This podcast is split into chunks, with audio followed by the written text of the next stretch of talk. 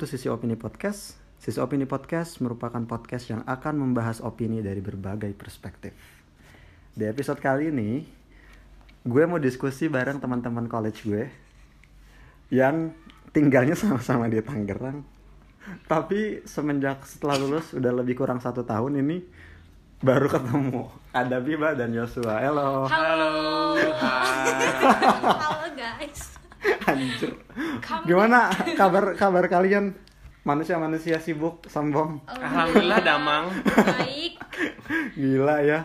Padahal udah satu tahun loh kita Oh, satu lulus tahun ya? hampir satu tahun kan. Kalau Oh, iya. pasca sidangnya ya. Oke. Kalau wisudanya ya Oktober nanti. Dan baru ini lo ketemu gila ya pada sibuk banget. Parah sih Jaya. Parah emang karena yang buat punya podcast yang kesibukan. Itu sibuk emang guys. Yang suka diajakin gak bisa kan kalian. Kebalik kayaknya Yos. yang udah janji tapi mem- yang mematahkan siapa? Hamin satu cancel guys. itu beneran eh kalau itu gue udah ada janji duluan jadi telat. Baiklah. Oke, forget it ya. By the way, di episode kali ini gue pengen diskusi aja sih sebenarnya sama kalian. Dan sebetulnya tadi pertemuan kita pun hari ini nggak ada kepikiran buat ngebikin podcast, tapi karena tadi ada sesi gibah-gibah, jadi Gibah-gibah bermanfaat. gibah berangkat. Akhirnya kayak kenapa gue nggak bikin podcast bareng kalian juga ya? Makanya ter tercetuslah eh, ide untuk diskusi di episode podcast gue tentang jadi kita mau bahas tentang life after college ya karena kita sedang mengalaminya jadi nggak ada salahnya kita bahas ini tentang life after college ini yang disebut life after college itu menurut gue adalah pada saat lo lo pada keluar meja sidang dinyatakan lulus itu udah masuk fase awal nih. Lo lo pada eh, apa namanya di dunia setelah college. That's why gue mau tahu sih pandangan lo atau perspektif lo ya. Dari pertama kali dinyatakan lulus nih pertama kali dinyatakan lulus apa sih yang ada di pikiran lo waktu itu gitu loh gue mulai dari Yosua dulu gimana Yos lo mikirin apa sih Yos pas nyatain lulus Gua mikirin apa ya? Cewek. Enggak dong, gue mikirin sidang gue. mantap visioner ya.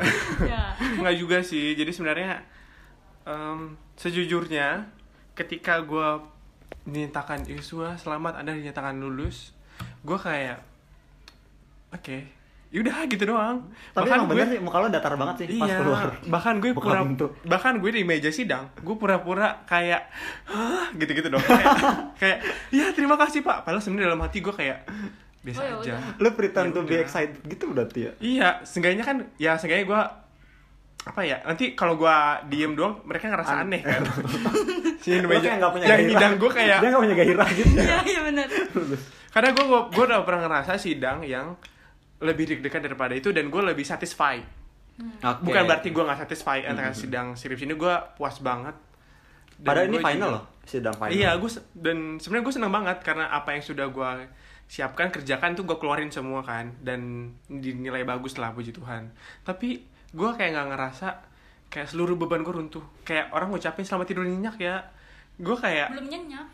enggak sih, gue gue karena revisi ya gue nyenyak nyenyak aja. Aja. Maksudnya kayak tapi kalau bebannya Garun tuh ada hal yang lo pikirin dong Yos Enggak, enggak ada juga, enggak ada juga. Dan gue itu posisinya gue ngerasa, gue nggak ngerasa gue lagi anxiety atau gue nggak ngerasa overthinking enggak sih. Gue kayak ya udah biasa aja gitu. Tenang, tenang gitu. Iya kayak ya udah kayak puji Tuhan.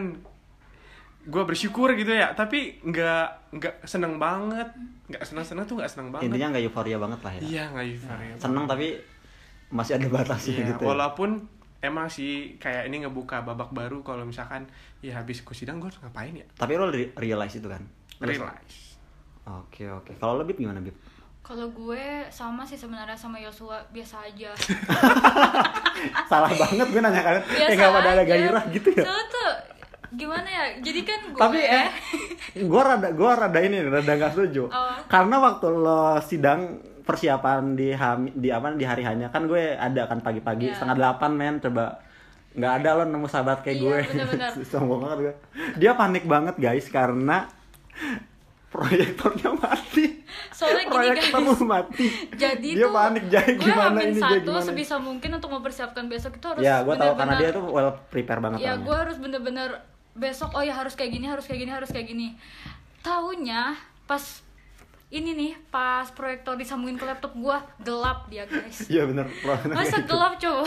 Untung pada saat itu gue bawa laptop. nih. Terus Kalau ada Joy kan Joy lo. tolongin ini gimana proyektornya nggak bisa nyambung sama laptop gue. Totonya eh, emang laptop gue kayaknya yang lagi Iya, error. soalnya pada saat itu kabelnya juga masih kabel yang sama iya, kan Iya, ya. kabelnya masih kabel yang sama terus akhirnya gue gue alhamdulillah lancar presentasi terus gue tanya jawab tuh udah sama ketua sidang dan penguji terus gue disuruh keluar kan terus gue disuruh masuk lagi sama notulen dan eh, untuk eh, apa namanya Pengumuman, Pengumuman, itu ya. Lo iya. lulus atau enggak? lulus atau enggak terus tuh eh, ketua sidang gue tuh kayak ini loh nggak dramatis gitu apa ngasih ngasih taunya Jadi lo maunya yang dramatis. Iya, gue maunya kan biar kayak ada sensasinya gitu. Dasar drama queen.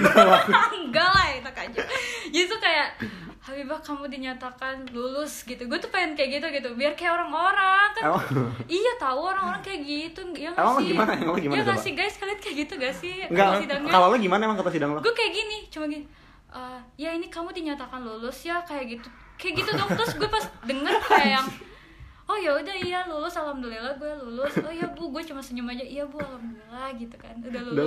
Terus gue udah tuh udah biasa aja kayak oh ya teman-teman gue udah ketemu tuh "Eh, ya selamat bibe selamat. Iya eh, apa revisi palingan gitu kan. Hmm. terus pas gue gue tuh belum ngerasain kayak oh iya sesenang itu atau enggak gitu. Gue cuma ya udah sama kayak Yosua gue biasa aja. Terus tuh pas kan nama gue ikut sidang ikut Nemenin ya, ikut datang ya? nemenin. Apa ya datang ya kan. Terus pas pulang-pulang tuh gue malah baru kepikiran gitu. Mama setelah ini Biba kerja di mana ya kayak gitu nanya gitu? iya gue gue langsung nanya. Gue langsung nanya gitu. Mama setelah ini Biba Biba eh, kerja di mana gitu kan. Terus kata mama gue ya udah kak istirahat dulu aja santai. Kan belum ada ijazah kata gue gitu kan. Terus lo kan yang lebih legowo ya berarti. iya kayak ya udah belum ada ijazah belum ada belum ada apa-apa juga ini belum masih ya udah nikmatin dulu aja lah gitu kan terus kata gue tapi kan harus ada mah apa planning selanjutnya kayak gimana kayak gitu terus ya udah tapi habis sidang mah ya udah gue biasa aja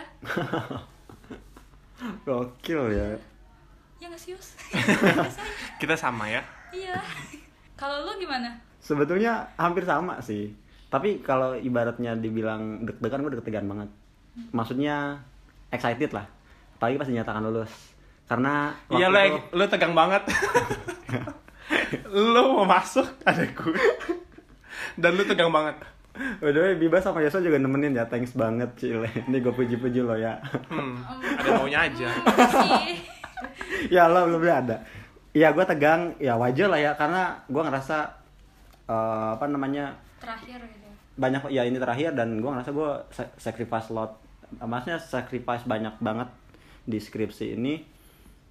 Cuma pas dinyatakan lulus Ya excited, sedih, iya. Tapi gue gak sampai nangis, enggak. Cuma seneng gitu loh. Eh tapi muka Ketemu. lo ya excited banget. Iya. Apalagi gua ketika excited. keluar banyak banget orang. ketua sidang lu dramatis gitu enggak jangan terlalu dia Dia masih Tapi kata sidang gue lumayan. Ah, dramatis. lumayan dramatis. Tuh kan ngasih doang emang. Flat banget Karena Lumayan. kayaknya lu gak menarik deh. astagfirullah masa tidak semenarik itu sih. Lumayan dramatis Bib maksudnya tuh kayak ada intonasinya dinyatakan tuh lulusnya kayak gitu. Ada jedanya dulu ada ya. jedanya so. gitu. enak nyampenya enak sih. Jadi kayak pas kayak gue nih biasa gue kayak Yosua gitu. Tapi kalau Yosua kan tadi pura-pura ya. Kalau gue beneran lah. Gue harus seneng kayak gue ngasih ekspresi yang yang yang yang Emang yang emang seneng gitu loh. Keluar tuh gue nggak expect sebanyak itu orang sih emang ke pas justru gue khawatir khawatir banget insecure-nya adalah ini orang-orang teman-teman gue pada datang nggak ya gitu. Karena waktu itu kan masih Juni abis banget tanggal kan gue 20 Juni kan itu tuh Lebaran tuh Juni awal ya kalau nggak salah ya di 2019 dan teman-teman kan masih pada pulang kampung masih pada di apa namanya eh, rumahnya masing-masing. Gue takutnya aduh ntar gue sepi nggak ada nggak apa namanya nggak ada teman-teman gue yang yang ikut datang gitu. Tapi ternyata alhamdulillah banyak waktu itu. Dan itu sih yang bikin gue lumayan speechless. Senangnya tapi pada saat itu doang sih. Sampai kosan udah abis itu tuh kayak ini gue mau ngapain ya? Kayak gitu sih. Abis ini gue mau ngapain ya? Kayak gitu. Agak bingung juga. Walaupun pada saat itu kan gue udah udah langsung harus ke ke Purwakarta kan buat ikut internshipnya adalah salah satu perusahaan kayak gitu. Tapi ya tetap aja sih euforianya tuh bisa dibilang nggak nyampe 24 jam ya nggak sih? Kalau menurut Ya. kalian. Cuma beberapa ya jam doang lah dari pasca lo dinyatakan lulus malamnya itu udah bisa dibilang mikirin next step apa yang selanjutnya mau lu raih sih. Hmm. gitu. Betul, betul, sama aja lah ya berarti ya. Terus nih eh, waktu pas dinyatakan udah lulus nih ya lo berdua pernah atau udah ada planning gitu nggak sih sebetulnya apa yang mau lo lakuin? Gue gimana ya? Gue bukan gue bukan orang visioner. Terus gue juga bukan orang yang eh, apa kayak ngerancang gitu oh abis ini gue apa abis ini gue apa? Enggak gue nggak gitu sih. Tapi gue kayak gue yaudah ya gue pengen bawa santai aja sih. Karena ya udah gue selesai revisiannya dulu gue nunggu wisuda paling nanti jasa baru gue kerja. Gue mikir kayak gitu sih. Makanya gue kayak yaudah ya. Tapi ya gue juga nggak ngoyo lah ya. Nggak ngoyo. Jadi gue juga ya sambil nunggu itu mungkin gue juga pengen ikut apa gitu pengen apa gitu. Dan puji Tuhan emang ada beberapa lah kegiatan dilakukan setelah setelah sidang terus menuju wisuda. Tapi untuk rencana aslinya gue nggak ada rencana apa pun sih. Kalau lebih Kalau gue kalau rencana itu setelah lulus sebenarnya rencana yang paling pengen gue wujudin gitu ya setelah lulus itu ya gue pengen belajar bahasa Inggris. Jadi berarti lu udah punya planning dong? ya gue udah ada planning. Pokoknya habis ini gue lulus gue mau belajar bahasa Inggris kayak gitu. Karena gue kepengen banget ningkatin skill bahasa Inggris gue sih dan lo udah ngelakuin itu kan? Udah ya, les itu. alhamdulillah gue udah ya itu ikut berapa bulan ya? Empat bulan. Lumayan lama sih kayaknya ya? Iya. Hmm. dan lumayan sih kelihatan banget incre- Ya, bahasa Inggris lo. alhamdulillah. bagus. Ya masih bela- harus masih banyak belajar sih gue itu. Tapi selain selain belajar bahasa Inggris sebenarnya itu ada lagi sih planning harus belajar Hmm? bahasa kan gue bilang sama mama gue gue pengen banget gitu kan kerja ya di UN gitu tapi NGO lah ya? Iya di NGO tapi kepengen banget gitu kan tapi ya itu harus ada beberapa skill yang harus kita punya juga kan. Nah terus kata mama gue ya udah les bahasa aja dulu. Tapi gak hanya satu bahasa juga. Jadi harus ya gak hanya bahasa Inggris kan kalau bahasa Inggris emang udah internasional kan. Bahasa internasional. Tapi harus bahasa yang lain dan itu gue belum apa ya belum melaksanakan itulah jadi baru gue oh lu harus- lesnya baru bahasa Inggris aja? Iya, jadi gue harus perbanyak dulu nih, guys, skillnya. wah. Nah, itu dia. intinya lo udah ada planning ya berarti ya? Ya planningnya masih kayak gitulah. hmm oke oke oke. Beda sama Jaya. Jaya kan pasti planningnya uh gila ya. Kagak. Tapi sejujurnya gue gak ada planning juga loh. Oh nggak ada juga? Sejujurnya gue gak ada planning. Karena waktu itu tuh yang ada di pikiran gue adalah sekarang ya gue sidang dulu aja abis sidang tuh nanti deh mikirinnya apa. Cuma waktu itu emang kebetulan ada kesempatan sih.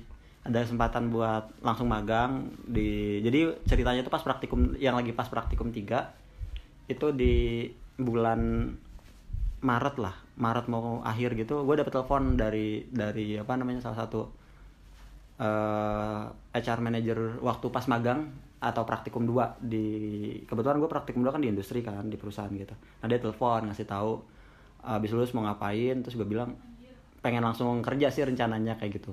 Terus dia nawarin buat internship sih. Nah pas dia tahu gue lulus di tanggal 20 tuh gue langsung ke Purwakarta sih waktu itu. Eh, maksudnya lokasinya kan di Purwakarta perusahaannya. Terus udah deh ikut magang di situ. Ijazah gue belum turun gue juga belum revisian. Cuma itu doang sih. Tapi itu yang jadi berharga menurut gue. Karena planning gue akhirnya muncul ketika gue ketemu sama manajer gue ini dia bener-bener nurturing jalan hidup gue banget sih untuk ke depannya ya maksudnya. Bener-bener dia itu mentor gue banget lah. Yang akhirnya yang awalnya gue juga gamang mau ngapain istilahnya masih masih hitam lah gitu. Tercerahkan sama beliau sih yang yang apa namanya yang kasih banyak masukan. Setelah college tuh lo harus harus ngelakuin ini. Dia nggak maksa tapi lebih ke ngasih rekomendasi pilihan. Lo bisa kayak gini lo bisa jadi kayak gini lo bisa kayak gitu sih. Dari situ baru gue memutuskan untuk kayak oke gue juga bakalan buat planning Iya. ke apa namanya after college ini kayak gitu. Itu sih. Jadi justru planningnya tuh setelah gue eh, apa namanya ikutin arus gitu loh. Karena tadi gue gak punya planning kan. Artinya ya udah apa yang ada di depan gue gue gue lahap gitu loh. Gue gue jalanin itu tapi akhirnya arus itu yang ngebawa gue di titik di mana gue ngerasa oh ya gue nggak selamanya harus ngikutin arus gitu loh. Ternyata gue harus harus bisa jadi nahkoda kalau misalkan itu di laut ya. Ibaratnya nggak terus ngikutin gelombang ya. Ada saatnya gue harus jadi nakoda dan ada saatnya gue harus ngedrive ke mana gue mau pergi. Dari situ sih. Makanya gue big thanks banget sama manajer gue yang udah berhasil nur- bantu gue nurturing apa plan gue sih Tapi kalian pasti pernah sempat gak sih terpikir apa mau lanjut S2 aja atau gimana? pernah Pernah kan? pernah banget pernah pernah pernah Gue juga sih waktu itu sempet bahkan yang gue tau bukannya lu mau S2 ya Bia? mama lu kan bukannya Iya, mama rekomendasi gue emang menyuruh gue ini sih soalnya waktu itu lanjut. mama lu nanya gue Iya. langsung nanya Apa? S2 di kampus kita Iya bener, soalnya apa waktu gue habis sidang Jadi kan waktu itu mau Jumatan ya Mm-mm. Jadi Pak Jajan itu dosen gue, Mm. dosen pembimbing gue itu mau mau Jumatan nih. Eh ketemu sama gue, sama gue, sama mama gue. Bilang gini, "E, Bu ini anaknya eh, bisa di apa sih direkomendasiin gitu ya namanya? Mm-mm. karena lu sidang Kayak, semester 8 iya, secara kan. uh-uh. ini la- langsung dari S- STKS ini disuruh Pak Ayep gitu ya? Hmm, Pak Ep ke- ketua Iya. prodi S2 kalau nggak salah waktu itu. Nawarin tuh S2 terus mama gue kayak tertarik gitu terus gue eh, mama gue bilang kan kak apa mau langsung lanjut aja? Terus kata gue nanti dulu deh mah Biba mau ini les dulu bahasa Inggris. Kayak gitu les dulu Hmm, bahasa be- Inggris. Jadi berarti sebenarnya Bibah ya yang udah banyak planning. Di antara kita berdua apa nih banyak apa Bibah dan mama, dan Mama Bibah yang lebih vi- visioner ya planningnya Gak sih gue memang kepengen banyak pengen benerin bahasa Inggris dulu sih guys sebenarnya tapi gue masih harus banyak belajar. Tapi emang sempat kepikiran juga sih gue waktu itu kayak aduh pengen banget S2 Iya. langsung S2 tapi di satu sisi kayak gue juga eh, apa namanya pengen udah mulai bisa ngasilin sesuatu lah ya Iya. which is uang kayak gitu. Iya. dan gue mikirnya ya udah deh gue tetap pengen S2 mungkin nanti gitu pada saat gue udah punya uang sendiri baru planning buat S2 kayak gue gitu. juga sempet curhatkan sama om gue "Eh, om gimana ini? Eh, S2 dulu apa kerja dulu? Kayak gitu kan. Terus om gue bilang gini kamu S2 tujuannya apa? Katanya. Kalau kamu S2 tujuannya karena kamu gak ada kegiatan dan gak ada planning ke depannya untuk apa? Itu hanya pelarian katanya Gila. gitu. Omnya visioner juga iya ya. iya katanya itu hanya pelarian dong kalau kayak gitu. Mending kamu perbanyakin dulu pengalaman nanti. Setelah ada pengalaman setahun dua tahun bolehlah itu coba. Tapi kamu sambil coba-coba juga untuk tes kayak gitu. Lo gimana ya kepikiran gak sih buat S2 juga? Gue gue kepikiran sih buat S2 tapi gue ngerasa kayak sama kayak lu aja kalau mau S2 pun gue nggak pasti nggak akan sekarang. Karena ya gue pengen menghasilkan sesuatu dulu lah. Ya seenggaknya cari pengalaman dulu kan gue nggak pengen kayak Iya. bener-bener fresh graduate yang kayak nol. Karena menurut gue di lapangan juga yang dibutuhin lu udah pengalaman Iya, lu pengalaman bukan sih karena yang bukan semata-mata karena lu udah S2 terus lu kayak dipandang uh gila. Tapi menurut gue pengalaman yang bentuk lu banget sih. Makanya gue ya cari ya tiap orang beda-beda lah dulu, ininya mm-mm. kan. Mhm. Tapi misinya apa? Eh lu pernah gak sih ngerasa overthinking di masa life after college gitu? Ada nggak fase di mana lo kayak maksud gue tuh nggak tahu ya ini gue doang yang ngerasa atau gue juga emang lagi di fase ini atau emang lingkungan juga iya? Karena beberapa kayak updatean updatean teman-teman gue tuh rasanya banyak yang kayak overthinking gitu sih kayak gitu. Terutama di Twitter nih akun-akunnya kayak gitu. Kayak gimana ya kalau lo? Kalau gue ini sih kalau dibilang overthinking iya iya. Tapi nggak sampai gimana gimana gitu. Soalnya setelah setelah lulus tuh ya gue kan melihat ada beberapa temen gue yang langsung kerja langsung masuk sana langsung masuk sini langsung internship kan. Di Purwakarta. lah gue mah apa tuh ya? Gue mah kagak ada kagak ada. Maksudnya tidak ada peluang yang menarik gue gitu. Istilahnya istilah kata gue yang harus gue yang harus mencari itu peluang. Nah melihat itu apalagi kalau ngeliat gue ngeliat kayak kalau ngeliat ada temen gue yang dia udah kerja di sini atau dia lagi ada project tertentu atau dia ada kegiatan tertentu sedangkan gue kayak gue cuma diem doang terus gue kayak aduh gue harus mulai dari mana ya dan itulah kenapa gue harus mencari gue harus do something Berarti jadi insecure dong ya? Lo ngerasa insecure dong selain overthinking? Iya, tapi nggak banget lah. Tapi emang sih gue bakal gue bahkan kerasa banget kalau gue malas liat buka IG. Padahal sebenarnya gue sebenarnya bukan orang yang suka sosial media. Tapi salah satu alasan gue bikin IG itu adalah karena itu di tahun terakhir gue kuliah dan gue tahu gue pasti akan lebih tahu banyak peluang melalui IG. Tapi di situ juga gue kayak ngerasa aduh gue harus ngeliat teman-teman gue yang updatean ke sana sini mungkin dia liburan mungkin dia ada kegiatan tapi gue cuman nonton anime tapi itu Drakor menghibur iya. gue itu itu menghibur gue drakor iya makanya gue yaudah gue ke situ aja lah pelariannya daripada gue kemakan dengan overthinking gue kayak gitu sih gue Anak Pexos tahu coping strateginya nggak? iya itu gue strategi gue ya pengalihan Pengalihan ya ke ya iya sih. Tapi kalau gue ya sejujurnya ya pada saat uh, overthinking itu semalaman itu doang sih. Karena kan gue bilang besoknya itu gue udah ada langsung Iya. internship ya.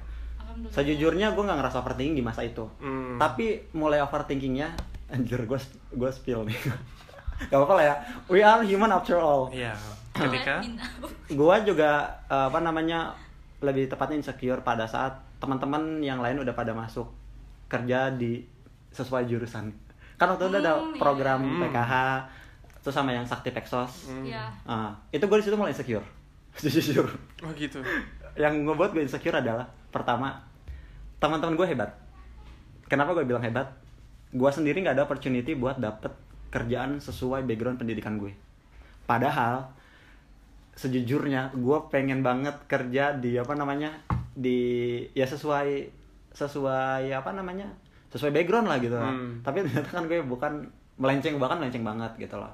Itu sih yang bikin gue overthinking. Overthinkingnya ngerasa kayak gue nggak bisa ngaplikasiin kayak anjir gue kuliah percuma banget yang harusnya bisa jadi uh, social work ini malah malah enggak gitu loh itu sih yang yang yang gue mulai jadi insecure-nya kayak gitu ngerasa nggak enak sama yang lain kayak gitu kalau gue itu sih kalau gimana Kalau gue insecure. kayaknya lo enggak deh dia, dia kan lempeng-lempeng aja Gue, Dia- gue udah lempeng.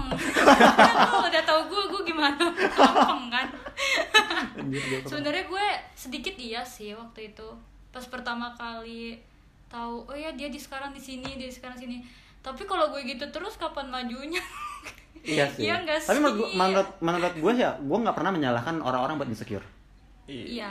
itu ya tadi ya kita semua tuh ya manusia yang punya perasaan ya ketika ada ketika ngerasa ketika kita mulai ngerasa terusik atas pencapaian orang lain atau apa pun itu ya yang ada kaitannya sama lingkungan sosial ya nggak apa-apa gitu as long as lo nggak dengki nggak Ya. dengki dalam artian lo lihat dia dia dapat kesempatan ini terus lo jadi dengki mulai ngan ibaratnya ngedengki dalam artian tuh mulai menghancurkan reputasinya atau gimana tapi kalau lo cuma ngerasa gila aja biwe gitu Nggak mungkin sih, merugikan Bro. sih. Nah itu, as long as lo insecure dari itu nggak merugikan orang lain, Iya. nggak apa-apa. Kita semuanya human being kok, manusia normal yang yang apa ya merasakan nggak rasa nggak aman itu merupakan satu bentuk hal Iya. yang wajar, dan kita juga nggak bisa buat buat perasaan itu kan itu kayak naturally natural, yes, Ya. Respon kita gitu benar, Tiba-tiba benar, hadir. tiba-tiba hadir. Makanya bagaikan dan dan ya that's why gue sih pengen lewat podcast di episode ini tuh pengen normalize itu aja sih. Hmm. Orang mikirnya kayak kok kayaknya ngelarang banget sih orang buat insecure gitu. Padahal menurut gue nggak apa-apa. Lo nggak suka atas pencapaian orang tuh nggak apa-apa. Misalkan ya Yosua oh udah kerja di apa namanya di di corporate yang gila posisinya tuh menurut gue posisi yang bagus gitu ya di internal audit gitu kan. Bagus. Dan dan ketika gue ngerasa ih gue iri deh sama Yosua. Gue nggak bisa padahal gue juga pengen tuh di dapat opportunity di corporate itu gitu tapi gue nggak dapet gitu. Ya nggak apa-apa gue ngerasa kayak gitu. Yang penting gue nggak ngerugiin orang lain terutama lo misalnya dengan dengan kalau misalnya gini Yos lo ngapain ambil itu nggak usah gitu kan itu baru udah udah udah menurut gue yang yang nggak boleh gitu tapi kalau diri lo doang yang ngerasa itu nggak apa-apa cuma balik lagi lo juga jangan kayak gitu terus-terusan Iya. sih Iya. Ya lu jangan sih? kayak gitu terus-terusan dan lu juga harus berbuat sesuatu untuk menambah skill lu. benar-benar gue setuju sih Kalau lu diem aja ya kapan mau bangkitnya? tapi semua itu proses sih Iya proses. kayak lo pertama insecure dulu kalau ibaratnya proses orang buat kayak apa ya bangkit tuh lo harus jatuh dulu Jatuh kan dulu. Iya. ibaratnya lo ngerasa insecure dulu lo ngerasa posisi lo nggak aman akhirnya respon diri lo tuh akan melakukan sesuatu untuk untuk nggak insecure gitu dan kalau lo nggak ngerasa insecure menurut gue itu justru nggak baik-baik aja karena lo hidup lo tuh bener-bener nggak ada apa ya istilahnya ya lo berasa nggak hidup kalau lo nggak ngerasa insecure dengan ngerasa insecure itu tuh kayak menurut gue sih jadi amun salah satu amunisi sih kalau kalau gue harus buru-buru keluar dari zona ini atau memperluas zona gue kayak gitu sih Tapi nggak apa-apa sih kalau nggak insecure juga. Mungkin dia emang udah visioner, kayak Dan gue gini fokus gini gini gini. tujuannya. Dan dia ada orang yang membantu. Jadi oke tenang aja. bentar membantu membantu apa ya udahlah ya. It's okay. Oke oke. Iya ya maksud gue kayak Itu di luar kendali kita. ya orang mau insecure maupun enggak terserah lah. Yang penting nggak nggak merugikan orang lain ya. Iya, kayak gitu. Intinya mah itu. dan dan kalaupun banyaknya maksudnya gue kenapa bahas di live after college ini ke insecure tuh? Karena kalau gue lihat di twitter gitu di twitter tuh banyak, Banyak banget, banget yang ya. sambat-sambat kayak gitu. Kayak Sambat, insecure gara-gara apa namanya gara-gara aduh temen gue udah gini temen gue itu sedangkan gue nggak ini. Dan menurut gue yang menjadi insecure juga adalah ketika lo nggak coba berusaha berhenti buat ngebandingin diri lo sama orang lain sih kayak gitu. Padahal kan kita semua itu berbeda ya punya jalan hidupnya masing-masing punya latar keluarga yang berbeda juga punya jalan cerita hidup yang berbeda juga gitu. Kenapa harus mau disamakan sama jalan ceritanya orang lain? Ya gue pun sendiri nggak yang ngomong kayak gitu bukan berarti gue kan nggak insecure tadi gue bilang gue juga insecure Hmm. kan Gue gitu juga. tapi gue memaklumi itu The by the way, gitu. lu kayak lu pernah update juga deh, yang lu kayak nekanin kalau misalnya semua orang itu punya jalan hidup masing-masing. Maksudnya Oh kayak iya, gua punya pernah. zona waktu masing-masing Iya, gitu. gua Iya pernah nggak sih? update itu Ada di- yang bergerak lebih cepat, ada yang bergerak lebih Iya, betul, lambat betul. dan itu pas gue insecure jadi ternyata oh, oke. dia menyemangati orang lain ternyata dirinya Gak apa-apa, gak apa-apa itu berarti penyalurannya dia. Ya, gue pernah, ya, ya, gue pernah buat itu di di snapgram sih. Waktu itu karena gue ngerasa berpacu, bukan sama diri gue, tapi sama orang lain gitu, bib. Ya, kayak kok gue capek ya gini terus gitu loh. Apa sih yang gue kejar sebetulnya? Itu fase di mana gue titik insecure gue sih. Kayak mulai mulai coba membandingkan hidup gue sama orang lain. Padahal kayak ya udah, walaupun gue sekarang eh, Padahal hidup? Jaya lebih enak. Amin, kelihatannya doang. sejahtera guys. Kelihatannya doang ngapain sih bahas itu anjir? Ya intinya tadi se- semua orang ya punya rasa insecure-nya dan itu nggak apa-apa. Kalaupun lo nggak insecure juga nggak apa-apa. Kayak gitu. Nah tadi ngomongin insecure-nya sama overthinking-nya. Cara lo buat overcoming itu gimana? Siapa dulu Bibel lah, tadi gue dulu. kan. lo lebih masa kita mulai duluan lo lah lo duluan gue ya udah jadi diri kita sendiri tapi sih itu sulit ya sebenarnya sulitnya kenapa untuk menjadi diri sendiri gitu loh Ya, I know untuk menjadi diri sendiri itu sulit. Tapi Ya. menurut lo part sulitnya di mana? untuk gimana ya kalau kadang kan kita ada rasa magernya ya melawan rasa malas itu susah kalau menurut Berarti emang yang susah itu Jadi- melawan diri sendiri ya? Iya sulitnya itu ya karena jadi gini, gue misalkan gue udah punya planning gue harus belajar ini ini ini, tapi di tengah-tengah jalan gue males. Kadang kalian gitu gak sih? Iya, gue. Kadang di tengah-tengah gue udah semangat nih misalkan gue mau belajar buku ini, totonya di tengah-tengah gue gak jadi baca. Konsis buat tetap konsisten Iya ya, untuk tetap ya. konsisten itu tuh sulit gitu kalau gue. Tapi pada akhirnya kan lo bisa achieve itu. Nah, cara lo gimana? ya fokus. Kalau misalkan lu udah ditargetin, kalau misalkan lu gak punya target, Target, maksudnya purpose lah ya. Iya. Lo purpose-nya udah jelas ya mau ke mana ya. targetnya misalkan di dalam bulan ini gue harus bisa ini dalam bulan ini gue harus bisa Dan itu ngebantu nggak? Ngebantu banget loh untuk ningkatin ini kita Makanya akhirnya lo selesai kan, Cile. Selesai Eh, apa nih? Bahasa Inggrisnya udah bagus banget nih itu sekarang. belum belum belum sih, belum. Belum, Ya. masih banyak setuju sih tadi caranya pertama harus jadi diri sendiri, kedua harus punya purpose yang clear ya. dan emang itu emang harus diasah sih gak gampang gue juga masih harus perlu banyak belajar kan Diasah by experience Ya, tentunya. Nah, tentunya. itu. Kalau ya caranya gimana? Kalau gue jujur gue bukan tipe orang yang nge-push diri gue banget gitu. Kayak target kayak gue harus kayak gini, gue harus kayak gini, gue harus misalkan ini, gue harus mencari skill ini. Enggak sih. Mungkin itu alasan kenapa hidup gue biasa-biasa aja. Gitu Iya, le- gue sebenarnya lebih suka it flow aja karena gue ngerasa gue yakin kok gue nanti bakal dapet kerjaan dan emang Eh, makanya tapi gue nggak cuma diem doang Ya, lo gue nggak usaha, cuman gue nggak cuman nonton anime doang atau drakor doang atau film doang walaupun itu penyemangat gue. Digaris bawahi tidak lagi. cuma Tidak cuma. Itu Tapi- hiburan sekali kan. iya hiburan sekali Padahal lo tapi juga usaha. Gue juga usaha gue juga eh, apa ya belajar sih buat gue mencari peluang contohnya kayak Lo kan ya? Iya, gue apply. Gue banyak website kerja yang gue nggak tahu sebelumnya, tapi gue jadi tahu. Terus kayak waktu gue tuh di laptop seharian cuma buat bikin cuma buat bikin CV aja dah tuh.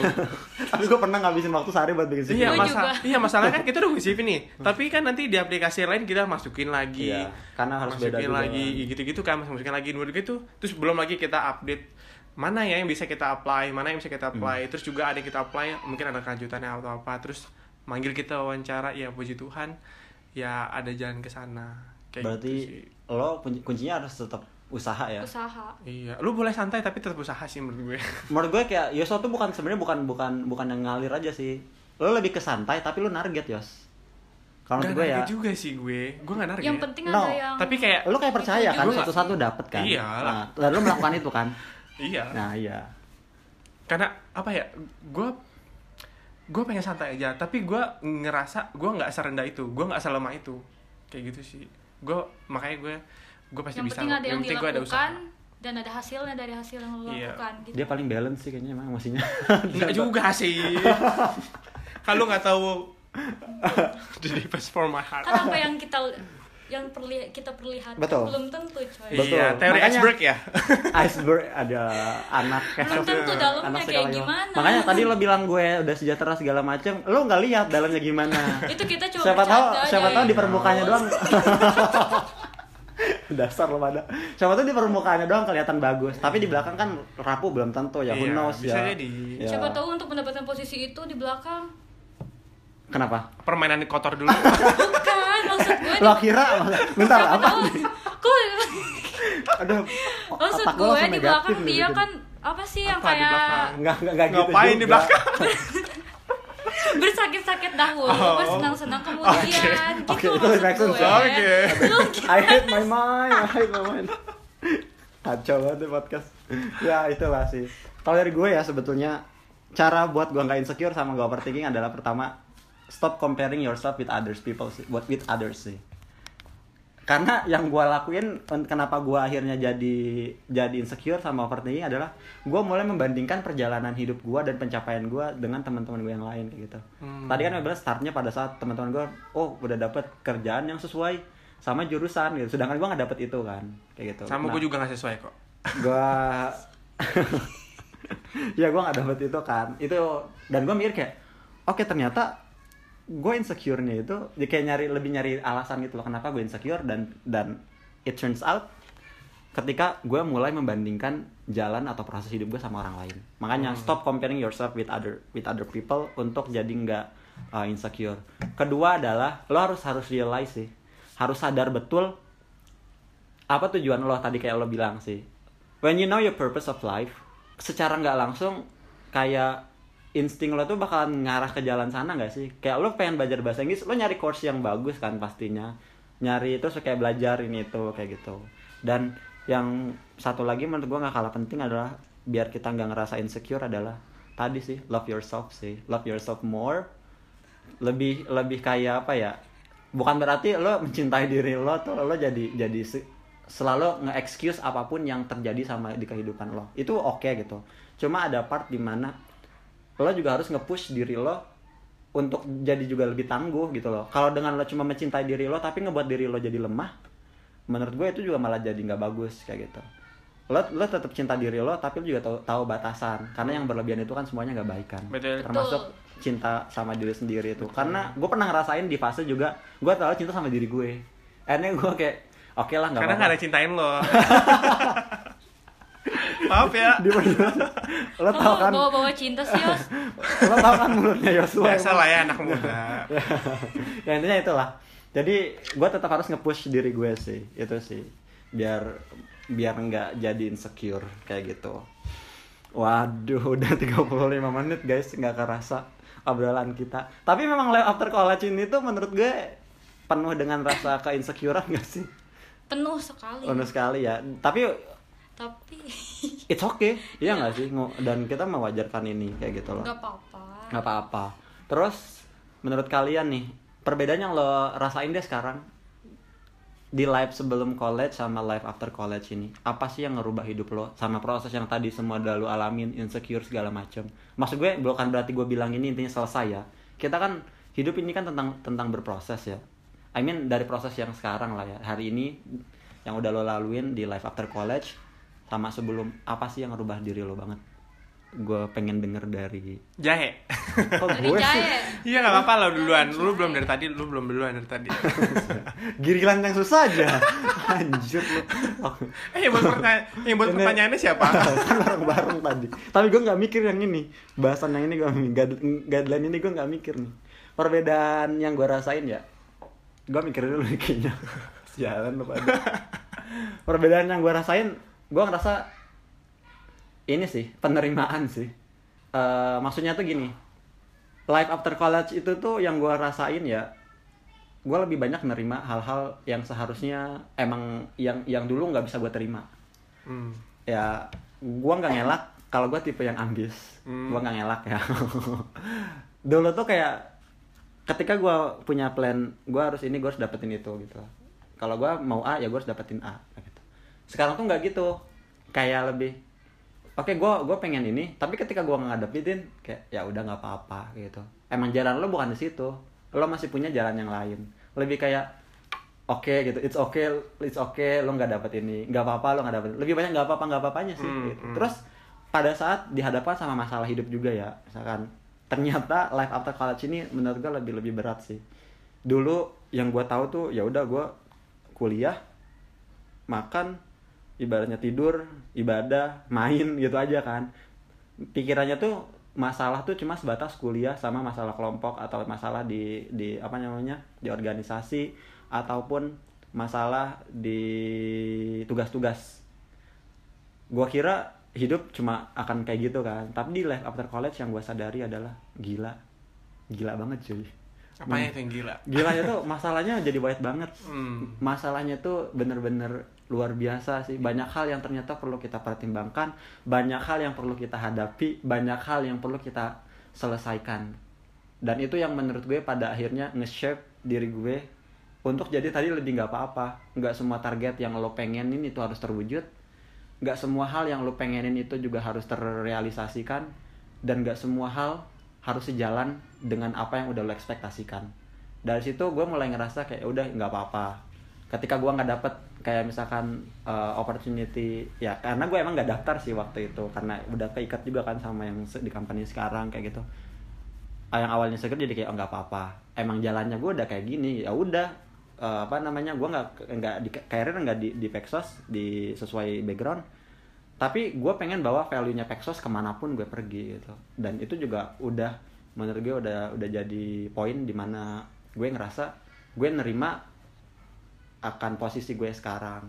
Terus juga dihadapkan sama masalah kehidupan yang juga berat. Entah itu masalah keluarga masalah percintaan ataupun masalah Siapa ya? anjir lo gue banget. Juga tapi bohong. Lebih lebih kayak anjir ya. Lebih ke ya itu nerima aja gitu lah nggak semua tadi kayak ya udah nggak apa-apa. Lo bisa ngebuat plan yang baru terus ketika ada sama masalah di misalnya di kehidupan yang lain masalah keluarga oh iya iya. Emang nggak seharusnya semuanya baik-baik aja. Dan ketika lo nggak ngerasa baik-baik aja juga nggak apa-apa. Hmm. nanti ada saatnya lo bisa kembali baik-baik aja. Lah kalau kata si Zain Malik tuh di apa namanya? Di di di quotes yang di twitternya dulu pas masih jadi di Wandi dia bilang life is a is is a roller coaster kalau nggak salah. Hmm. ya emang hidup tuh bener-bener kayak roller coaster kan kadang kita teriak-teriak kadang, kita Kadang diem di aja atas, kadang atau juga kadang di atas kadang kita di bawah. Dan you have to deal with it. Lo harus terima itu semua sih. Dan lo harus nerima intinya sih. Terutama penerimaan terhadap diri lo sendiri. Itu kalau dari gue. Hmm. dari lo sekarang. Nak aja lo tadi dulu. Oke. Lo gimana guys apa yang lo rasain? Perbedaannya gue ngerasa lebih dewasa. Wis, Mature. mature. Yes, ya. Nggak juga sih. Tapi ya sih, dia lebih lebih kelihatan dewasa ya. Iya iya. Maksudnya gue lebih tua gitu. Tapi iya loh. gue tahu perut gue makin buncit, tapi bukan berarti gue makin kayak bapak-bapak kan. pembawaannya maksudnya. mature ya, kan mature bukan bukan adult ya. Iya betul betul itu. Kan nggak semua orang, nggak semua adult itu mature kan. Iya. Oke.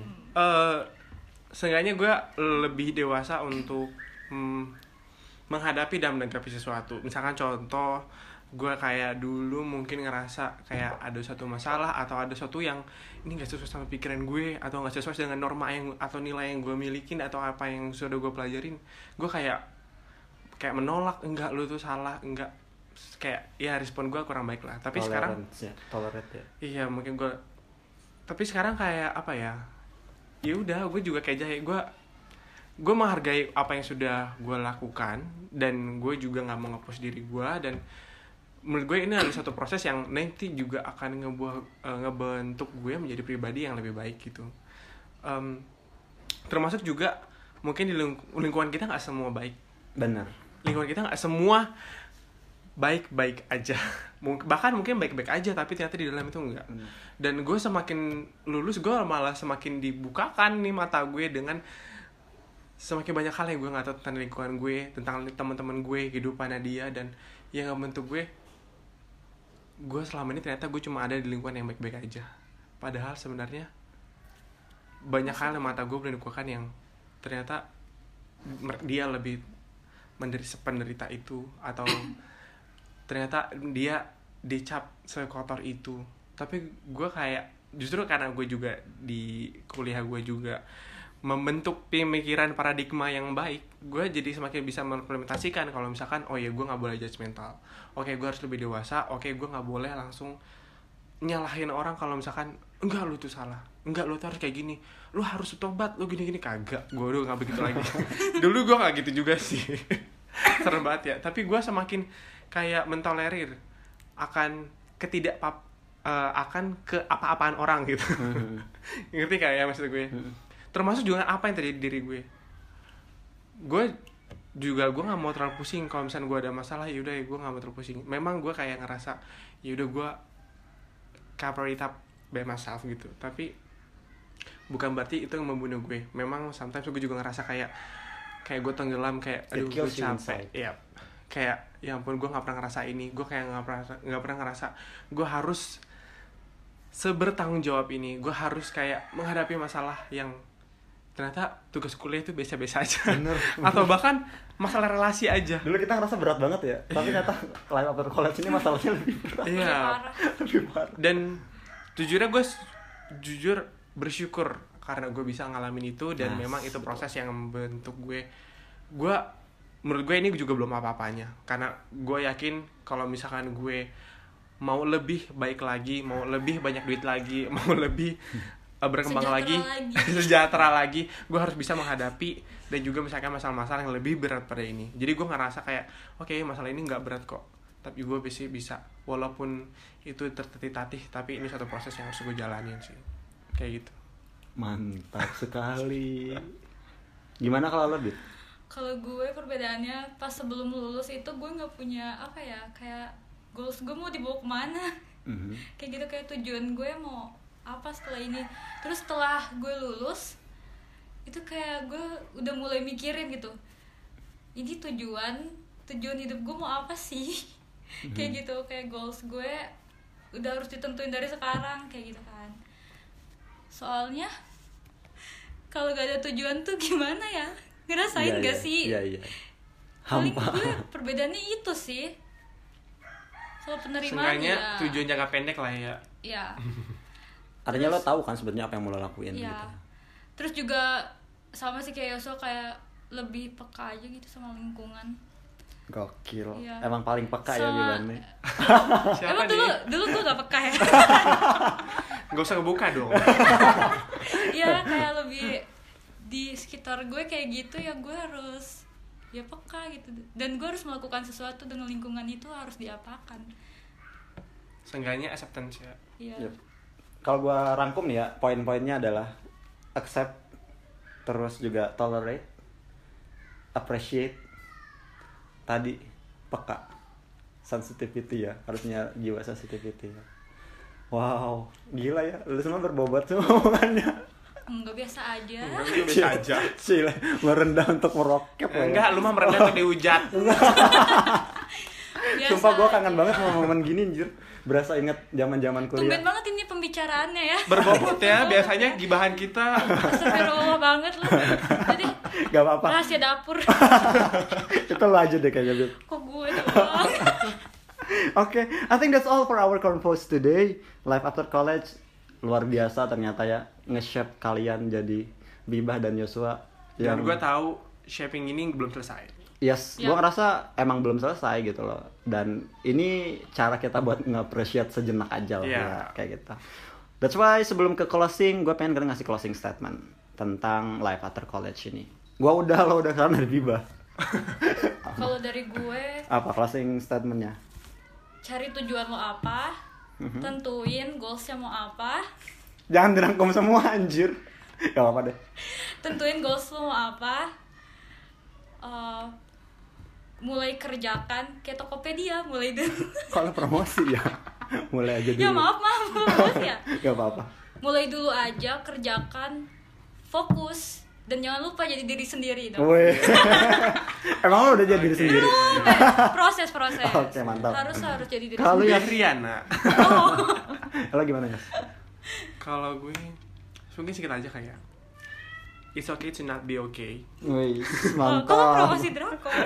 itu drama Oh, iya, itu gue drakor. sekarang. gue juga bucin. Enggak, gue belum nonton itu sih. Ya. Tapi Mang Tae, Kang Tae, gitu kan. Padahal bacanya nggak apa gitu. Kang Tai? Padahal bacanya gitu. Kang Tae tahu. sama KS. Oke lanjut lanjut. Kenapa jadi ngomongin drakor? Tapi emang itu filmnya recommended ya, sesuai ya, social work banget juga. It's okay to not be okay karena hidup lu ya udah jalanin aja. Nggak apa-apa untuk tidak merasakan. Nggak apa-apa untuk lu ngerasain masalah dan nggak apa-apa lu respon lu apresiasi aja respon lu. Tapi yang penting itu tidak merugikan orang lain dan lu tidak terus menerus tenggelam di dalam perasaan lu itu. Itu sih. Aduh, gue takut tenggelam. Selamatkan aku bang. Oke. Kalau dari gue closing statementnya sebenarnya udah sih tadi. Cuma gue mau tekankan di sini adalah life after college ataupun life secara keseluruhan is about process. Process to find the purpose of your life. Process to find I mean process to to accept who you are karena penting banget untuk menerima diri lo sebelum lo bisa menerima orang lain di kehidupan lo ataupun sebelum lo bisa menerima masalah-masalah yang terjadi dalam hidup lo. Dan untuk orang-orang yang sedang mengalami masa-masa ini life after college nggak apa-apa. Semua orang ngalamin. Dan we are human after all. Dan ketika lo ngalamin mau lo insecure mau enggak mau lo ngerasa rendah diri atau apa pun itu please lo rasain itu kemudian bangkit lagi kalau kalau ini gue ngutip sedikit nih dari filmnya It's Okay Not to Be Okay. Ada part di mana statement kayak gini. Tentang trauma ya. Trauma itu harus lo hadapi bukan lo hindari. Begitupun masalah-masalah terjadi yang di hidup yang ada di hidup lo ataupun life eh, apa ya process of life yang ada di kehidupan lo. Hadapi kalau lo ngerasa sedih ya hadapi kes- kesedihannya. Kalau lo ngerasa senang hadapi kesenangannya kayak gitu. Hmm. I think that's all. Well thank you so much Habibah dan. Seenggaknya dari obrolan Mbak. kita kali ini gak isinya gibahan doang Alhamdulillah Biasanya ya. hanya kotoran kayaknya. Alhamdulillah ya. Thank you so much for joining this convos and also this episode. I hope you guys bisa melewati masa-masa ini dengan baik ya. Amin. Termasuk juga masa pandemi yang yang sama-sama kita lagi alami ya. Mudah-mudahan cepat berakhir. Kita semua ya, kita semua bisa melakukan dan bisa melewati ini. Oke, I think that's all. Gue Jae Dan gue Yosua. Gue Bibe, Habibah. and see you in the next episode. Bye.